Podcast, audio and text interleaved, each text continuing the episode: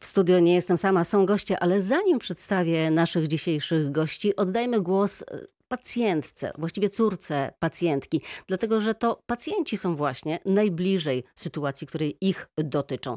Posłuchajmy jednej z historii, jedną z wielu historii, które przydarzają się każdego dnia, tym razem w szpitalu imienia Marciniaka we Wrocławiu. Zadzwoniła do mnie mama, że się bardzo źle czuje, że jej się bardzo kręci w głowie. Mama przeszła udar y, jakiś czas temu. Wsiadłam w samochód, dojechałam tam do niej gdzieś w okolicach 14 i zorientowałam się, że faktycznie coś jest y, nie tak, że, że jej stan jest y, no, bardzo niepokojący. Zadzwoniłam na 112. Tam e, połączyłam się z dyspozytorką, która zadała mi różne pytania o to, jak mama wygląda, jak się czuje, czy ma gorączkę. Mama nie miała gorączki, natomiast miała bardzo silne zawroty głowy, nie mogła ścisnąć prawą ręką, pomimo tego, że jest praworęczna. Mówiła, że cały świat jej wiruje. Pani dyspozytorka powiedziała, że nie ma żadnych wolnych karetek na daną chwilę i że ewentualnie może przyjąć zgłoszenie i może ktoś do nas przyjedzie wieczorem albo w nocy. Powiedziała, że jeżeli mam taką możliwość, to żebym zawiozła mamę do szpitala na SOR. Tak też zrobiłam. Wsiedliśmy w samochód, zawiozłam mamę do szpitala na Fildorfa. Tam przed wejściem panowie z Tróżówki powiedzieli, że należy dzwonić na opiekę świąteczną, na co odpowiedziałam im, że dzwoniliśmy na 112 i że pani dyspozytorka kazała jechać do szpitala na SOR, że mama potrzebuje pomocy. Więc pozwolono mamie wejść do szpitala, mnie już nie wpuszczono. Nikt do niej nie wyszedł, ani z SOR-u, ani żaden lekarz, ani żadna pielęgniarka, tylko ci sami panowie kazali jej dzwonić na tą opiekę świąteczną. Więc mama zadzwoniła, tam pobrano od niej dane, nikt nie spytał się jak się czuje, co się z nią dzieje tylko pobrali dane i kazali czekać na, na kontakt.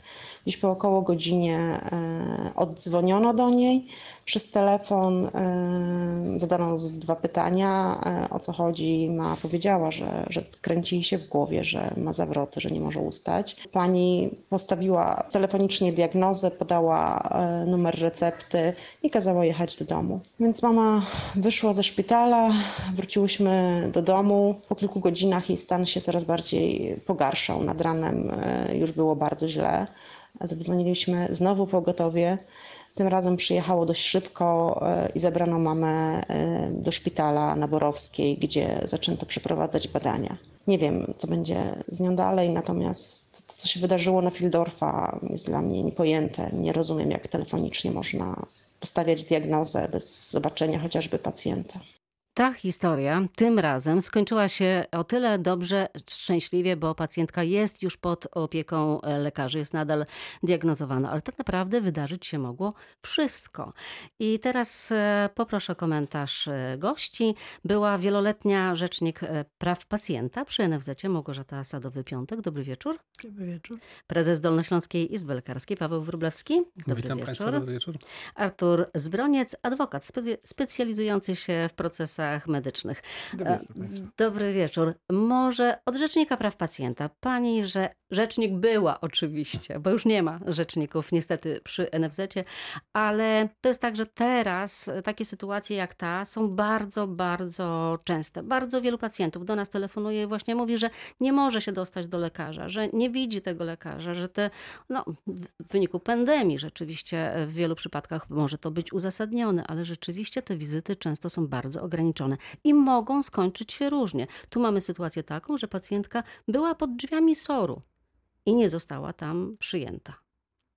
Znaczy, niewątpliwie mamy pandemię, w związku z tym oczywiście wszystkie jakby siły i środki zostały może przesadnie albo może nie skierowane głównie na rzeczywiście tylko kontakt telefoniczny, nawet z lekarzem POZ-u i tak dalej, więc tu wszystko też zależy, jaki się ma kontakt z tym lekarzem POZ-u, no zwłaszcza w okresie pandemii. I rzeczywiście najgorzej jest w godzinach wieczornych i nocnych. A to jeszcze była sobota do tego. No to już w ogóle jest, mi się taka historia przydarzyła, yy, więc wiem jak to jest trudno, że wjeżdża się na e, SOR z człowiekiem, który krwawi, a pan doktor mówi, nie, nie, my dzisiaj tego nie robimy, proszę w poniedziałek. To niestety takie historie się zdarzają. I tutaj no, to dobrze, że ta pani, córka tej e, chorej, była uparta, bo tu nie ma innego wyjścia. Tylko być upartym, czyli jak nie jeden sort, to drugi i dzwonić, alarmować, bo rzeczywiście mogło się to skończyć niedobrze. No właśnie, tutaj szczęśliwie skończyło się dobrze, ale właściwie różnie mogło być, bardzo różnie mogło być, panie prezesie. No, niewątpliwie taka sytuacja w normalnie funkcjonującym systemie nie powinna się zdarzyć. Nawet, cały czas o tym mówię, nawet przy takiej pandemii, jaką mamy w tej chwili, y, organizacja służb zdrowia powinna być zupełnie inna. Myśmy popełnili wiele błędów na początku, unieruchamiając praktycznie szpitale i służbę zdrowia, ponieważ nie było środków ochrony osobistej. W związku z powyższym sparaliżowaliśmy system. No ale już jesteśmy Y, Jeśli chodzi o kwestię po... pracy na sorze, naprawdę warto to przeanalizować. Ja sam miałem podobny przypadek z własnym synem. W Wigilię pojechaliśmy z Wyrostkiem, siedzieliśmy do czwartej nad ranem, ponieważ niestety jedyny czynny chirurg, mój kolega zresztą z oddziału, operował i dopiero miał czas o, o piątej. Także pamiętajmy Ale o tym. pana przynajmniej. No, to, a to nie było miłe, ponieważ rzeczywiście siedziało tam jeszcze ze dwie czy trzy osoby, wszyscy w bólach, a dookoła chichy, śmichy, ponieważ no, personel średni nie miał co robić. No, w związku z powyższym czekaliśmy na lekarza.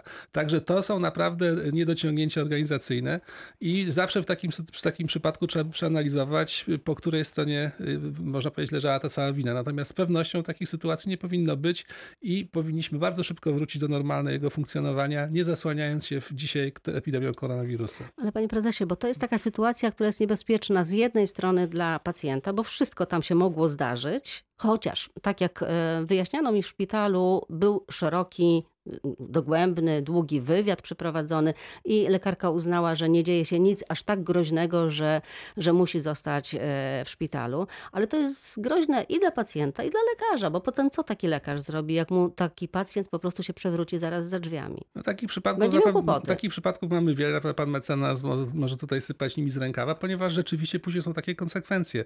Niedobory personelu powodują, że na którymś etapie e, jednak e, zawiedzie system, a potem oczywiście jest szukanie winnego i niestety w takich sytuacjach często nie jest to jedna osoba, tylko ta wina rozkłada się na wielu i wtedy mamy rzeczywiście kłopot. Rozkłada się na wielu albo się rozmywa, tak, panie ja mecenasie. Tutaj w tej, w tej sytuacji mam tylko jedno jakby takie pytanie, no bo można powiedzieć tak, oczywiście na ten SOR jakby się tutaj nastawiamy, że nie została pacjentka przyjęta. Ja to rozumiem. Jest, taka, jest taki trend, w którym najpierw idziemy do, do tej opieki, opieki nocnej, i świątecznej. nocnej, świątecznej. I tutaj no, moim zdaniem tutaj za, za, za, zawiodło ten system. Tu moim zdaniem pacjentka winna być przyjęta, bez różnicy, czy jest, czy jest, czy jest pandemia, czy też nie. No, wstecz, nawet parę lat temu, jak izby, lekarze wypowiadali się, że diagnozowanie przez telefon, no to jest niezgodne ze sztuką medyczną. No oczywiście można parę rzeczy, tak jak dyspozytor, to wiadomo, on działa w innym systemie. Tutaj przychodzimy, aby leczyć. No to może jakby takim sposobem to moglibyśmy telefoniczne otwierać izby e, służby zdrowia. Więc no moim zdaniem tutaj zawiodło, bo mi się wydaje, że na ten SOR nie ma też co. Jest oczywiście pewien, yy, pewni pacjenci powinni tam trafić, a pewni nie, bo wiadomo, był zakorkowany, tyle żali, były też te wszystkie różnego rodzaju yy, yy, takie reklamy, żeby na ten SOR nie chodzić. No to okej, okay. no to niech ten lekarz przyjdzie, zejdzie, bada. Fizykalnie, niefizykalnie może podjąć decyzję, ale moim zdaniem to jest było wróżenie z fusów. Jeśli znaczy, chodzi, ja dlatego podkreśliłem tak pro, stało, problemy prawda? organizacyjne, ponieważ rzeczywiście y, funkcjonalność SOR-ów nie jest nie tylko zła z powodu tego, że nie wiem, dyrektorzy źle organizują, tylko to, o czym pan mówił, czyli to nadużywanie SOR-u tak. spowodowało, że tam nikt nie chce pracować, a lekarzy jest mało. W związku z tak. powyższym jest kłopot. Natomiast oczywiście w szpitalu Marciniaka, z tego co wiem, y, kontrakt na nocną świąteczną pomoc wieczorową jest i faktycznie nie powinno się tej pani przyjmować poprzez SOR, tylko poprzez właśnie tą usługę. No tak, ale skoro już ta pacjentka jest tam na to miejscu, stoi tak, pod drzwiami, tak, to ktoś powinien naprawdę już się zająć. Tak. Po prostu bardziej, że ciągle wszędzie się ostrzega, że mogą być te zawały czy, czy, czy zatory różne i że na to czas, na te zawroty głowy i tego typu e, objawy, jakie osób. zgłasza ta pacjentka, że trzeba zwracać szczególnie uwagę. Się nie dziwię tej córce, że jednak przycisnęła i dobrze zrobiła, bo w końcu uratowała mamę, być może uratowała właśnie swoim uporem.